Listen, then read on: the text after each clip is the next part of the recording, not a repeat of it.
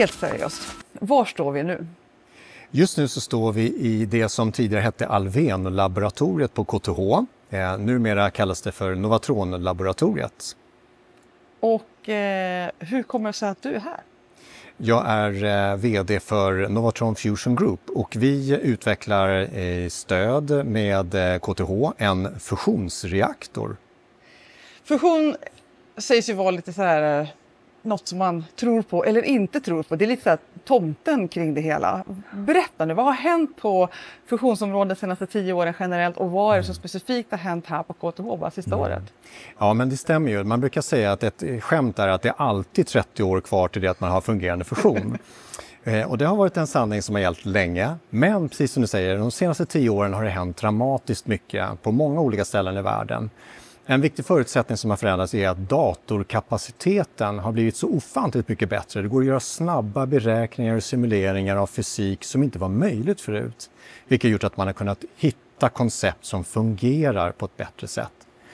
Det vi gör här på KTH och Novatron, det är att en av de saker som hindrar oss från att ha fungerande fusion i en industriell tillämpning, det är själva den stabila inneslutningen av plasmat. En av de viktiga förutsättningarna för att få det att fungera. Och Novatron-konceptet bygger på Jan Gärdbergs eh, innovation där man konfigurerar magnetfält på ett sätt som gör att inneslutningen av plasmat gör det självstabiliserande. Det kommer alltså att vara lättare att bygga en kontinuerlig fungerande process.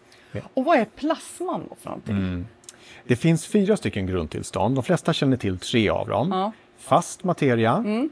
Eh, tänk dig is. Här, det är... här har vi lite stålräcke. Mm. Vi kan tänka en isbit. Ja. Det är en jättebra liknelse också. Den är hård. Mm. Värmer den lite grann så mm. blir den vatten. Då har vi flytande. Mm.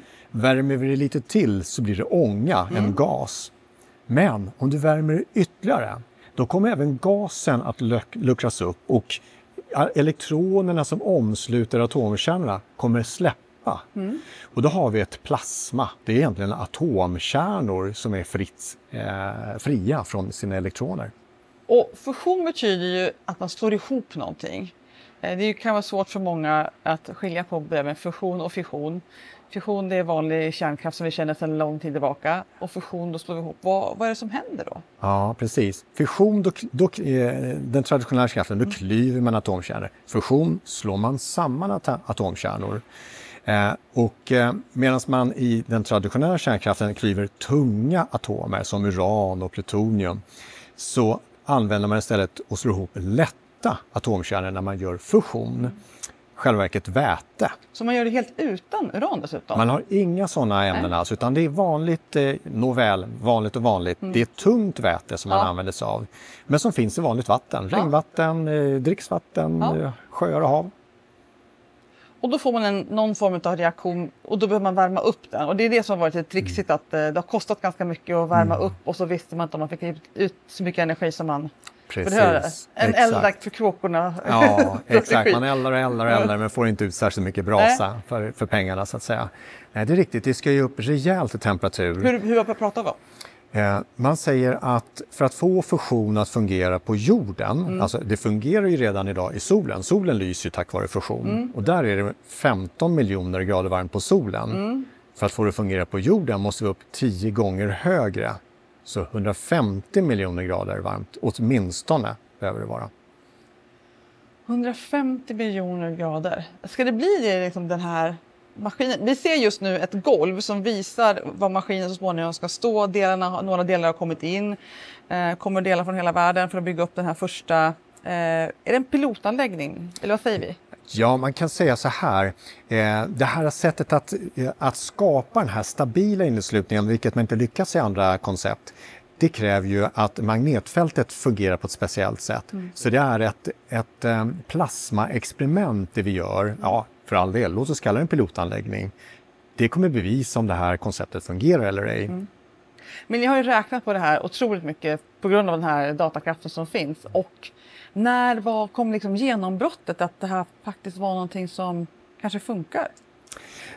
Man kan säga att den här idén har vuxit fram under väldigt lång tid hos mm. eh, Jan, innovatören. Mm. Eh, prövade den först med folk från KTH, forskare, mm. professorer här som inte kunde se någon brist i själva Nej. konceptet.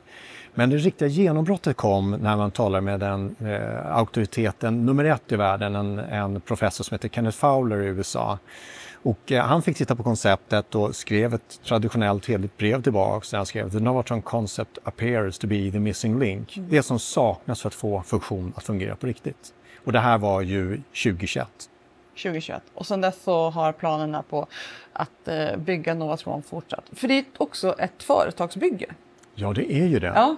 Det, det, det, det, vi är på KTH, det är forskning men det är också ett företagsberätta. Berätta om eh, liksom, hur, hur stora är ni idag och hur stora kommer ni bli? Ja, det har ju gått ruggigt fort. Mm. Eh, idag så är vi 28 personer. Vi eh, växer väl med någon person varannan vecka just nu ja. som det är och det är ju superduktiga, superbra människor på alla sätt och vis. Eh, vi kommer för att kunna få ihop den här första maskinen behöva vara någonstans kanske kring 40 personer skulle jag gissa när vi har byggt ihop det. Sen så kommer vi successivt bygga ut experimentverksamheten kring det. Men vi är faktiskt redan nu i startgroparna för nästa maskin som vi har arbetsnamnet Novatron 2, föga fantasifullt kanske. men, men, men så är det. Ja. Eh, och eh, jag tror att där har vi en verksamhet som är en, kanske en hundra personer eller något i den stilen. Och Novatron 2, om allt går ungefär som det är tänkt, det kan ju vara lite förskjutningar i tid och sådär när man jobbar med både eh, forskningsbaserat eller även, även om det här är, är i industrialiseringsfas. Men eh, saker kan hända. Men ungefär när tänker ni att eh, Novatron 2 ska byggas? 2026 så det är inte mm. jättelångt Nej. bort. Så det... Och bara för att få en känsla av storleken på den här. Den första mm. maskinen mm. ska vara, vad är det hit 3-4 meter kanske? Ja, man brukar säga att den är eh, själva den centrala enheten, själva vakuumkärlet med, ja. där vi har experimentet, den är ungefär det är som en cylinder, en, ja. en burk. Är två meter diameter och lite drygt tre meter hög. Eh. Och sen Novatron 2 då, hur stor blir den då? Tänk dig eh, kanske en tre gånger så stor. Ja. Eh, i runda slängar. Man förstår ungefär hur, liksom, hur ja. det växer, både företaget växer och själva och, och, och sakerna. och trådarna växer. Ja, exakt. Ja. När det här är färdigbyggt så, um, och det fungerar som det ska och det är liksom uppe i mer industriell produktion, när i tiden är det? Jag, jag tror att om vi har rätt förutsättningar och rätt samarbeten och rätt incitament eh, som nation och industri så är det här möjligt redan under 30-talet. Mm. Eh, jag tror att man måste börja redan nu planera för en industri eftersom det tar tid att bygga upp saker och ting. Allt från leverantörskedjor till regulatoriska ramverk, eh, politiska initiativ och, och strategier på kanske europeisk eller till och med global nivå. Mm. Och hur viktigt tycker du att det är med alltså, fusionsenergin? Varför, varför blir den så eh, avgörande för, mm. liksom, för industrialiseringen och vårt, vår, vår, vår, vilja och mål att nå ett netto nollutsläpp i världen. Mm. Jag skulle säga så här att vetenskapen är väl tämligen överens om att om vi ska möta de behov av att elektrifiera och ta bort allting som är klimathämmande eh, på olika sätt och vis, koldioxidutsläpp och så vidare, så måste vi ungefär tiofaldiga vår rena eh, elproduktion. Mm. Det finns idag inget realistiskt alternativ som klarar av att skala upp till den nivån globalt och som fungerar som tillförlitlig, mm. som är säker utan risker, som har ett bränsle som är tillgängligt överallt och är billigt och som har en kostnad i sin produktion som är lägre än det vi upplever idag. Mm. Det är bara fusion som har den möjligheten att möta alla dessa mm. parametrar. För det finns ju då alltså, eftersom man inte använder dem, finns det inget avfall som ska förvaras. Eh, det, det, är ju en, en svårighet att det oftast har jämställts på något sätt med en annan typ av kärnkraft. Men det har ju mm. inte alls någonting av dem, eh, den typen av baksidor. Förutom det som vi pratade om, det där lilla, eh, det kan bli radioaktivt i själva metallen. Reaktorkärlet, själva burkens insida kan ja. man säga, är vanligt stål. Mm. Eh, och när den har varit eh, och blir, tagit hand om fusionsreaktioner under lång tid mm. så blir det här stålet svagt radioaktivt. Mm. Det måste man ytförvara i ungefär 100 år innan man kan använda det igen. Och det är någonting vi är vana som mänsklighet och industri att göra. Vi är många industrier som genererar svagt radioaktiv utrustning. Ja. Så vad krävs då för att, eh, för att Sverige ska kunna ta på sig ledartröjan? Vi är ju, alltså, det, vi är på den här platsen därför att det var en nobelpristagare, en svensk nobelpristagare från KTH som eh, började med fusionsforskning för väldigt länge sedan. Och vad, vad, vad krävs för att vi ska kunna ta, springa längst fram? Jag tror vi har jättemycket på plats i Sverige. Jag tycker framför allt att vi har en, en teknisk höjd, vi har en innovationstradition i Sverige och ett entreprenörskap som är imponerande. Mm. Jag tycker också att jag, jag skulle vilja lyfta fram den kulturella aspekten. Vi är duktiga på samarbete och prestigelöshet. Mm. Vi bygger över gränser och vi skapar allianser när de behövs. Mm. Det är jätte jätteviktiga förutsättningar för att bygga upp en helt ny industri som fusionsindustrin eh, kommer innebära. Eh, jag tror att det vi kanske behöver eh, någonstans förändra och utveckla det är någonting som andra high-tech eller deep tech-industrier eh, också upplever. Det är en ny era av innovationer, nya typer av eh, satsningar som kräver andra typer av investeringar och samarbeten och en långsiktighet som man inte är van vid. Och de instrument som finns idag, till exempel Vinnova, ett jättebra, en jättebra verksamhet för att stötta innovationer och sådär. De har inte de musklerna för att stötta deep tech-satsningar och där känner jag att vi i Sverige behöver göra någonting. och det finns, det. vi har pratat om att England, mm. har, eller Storbritannien ska man säga, springer för i det här. Ja, de är fantastiska. Ja. Eh, de har ju förstått det industriella perspektivet och de ser att här ska vi industrialisera för här finns en industri och en marknad där vi kan ta en position. Mm. Och de har ju byggt en Silicon Valley mm. eh, på tema fusion och samlat det bästa de man kan mm. i, i en väldigt begränsad yta. Och så kan man gissa att i USA så finns det också någon Absolut. typ av samling. Var finns det någonstans?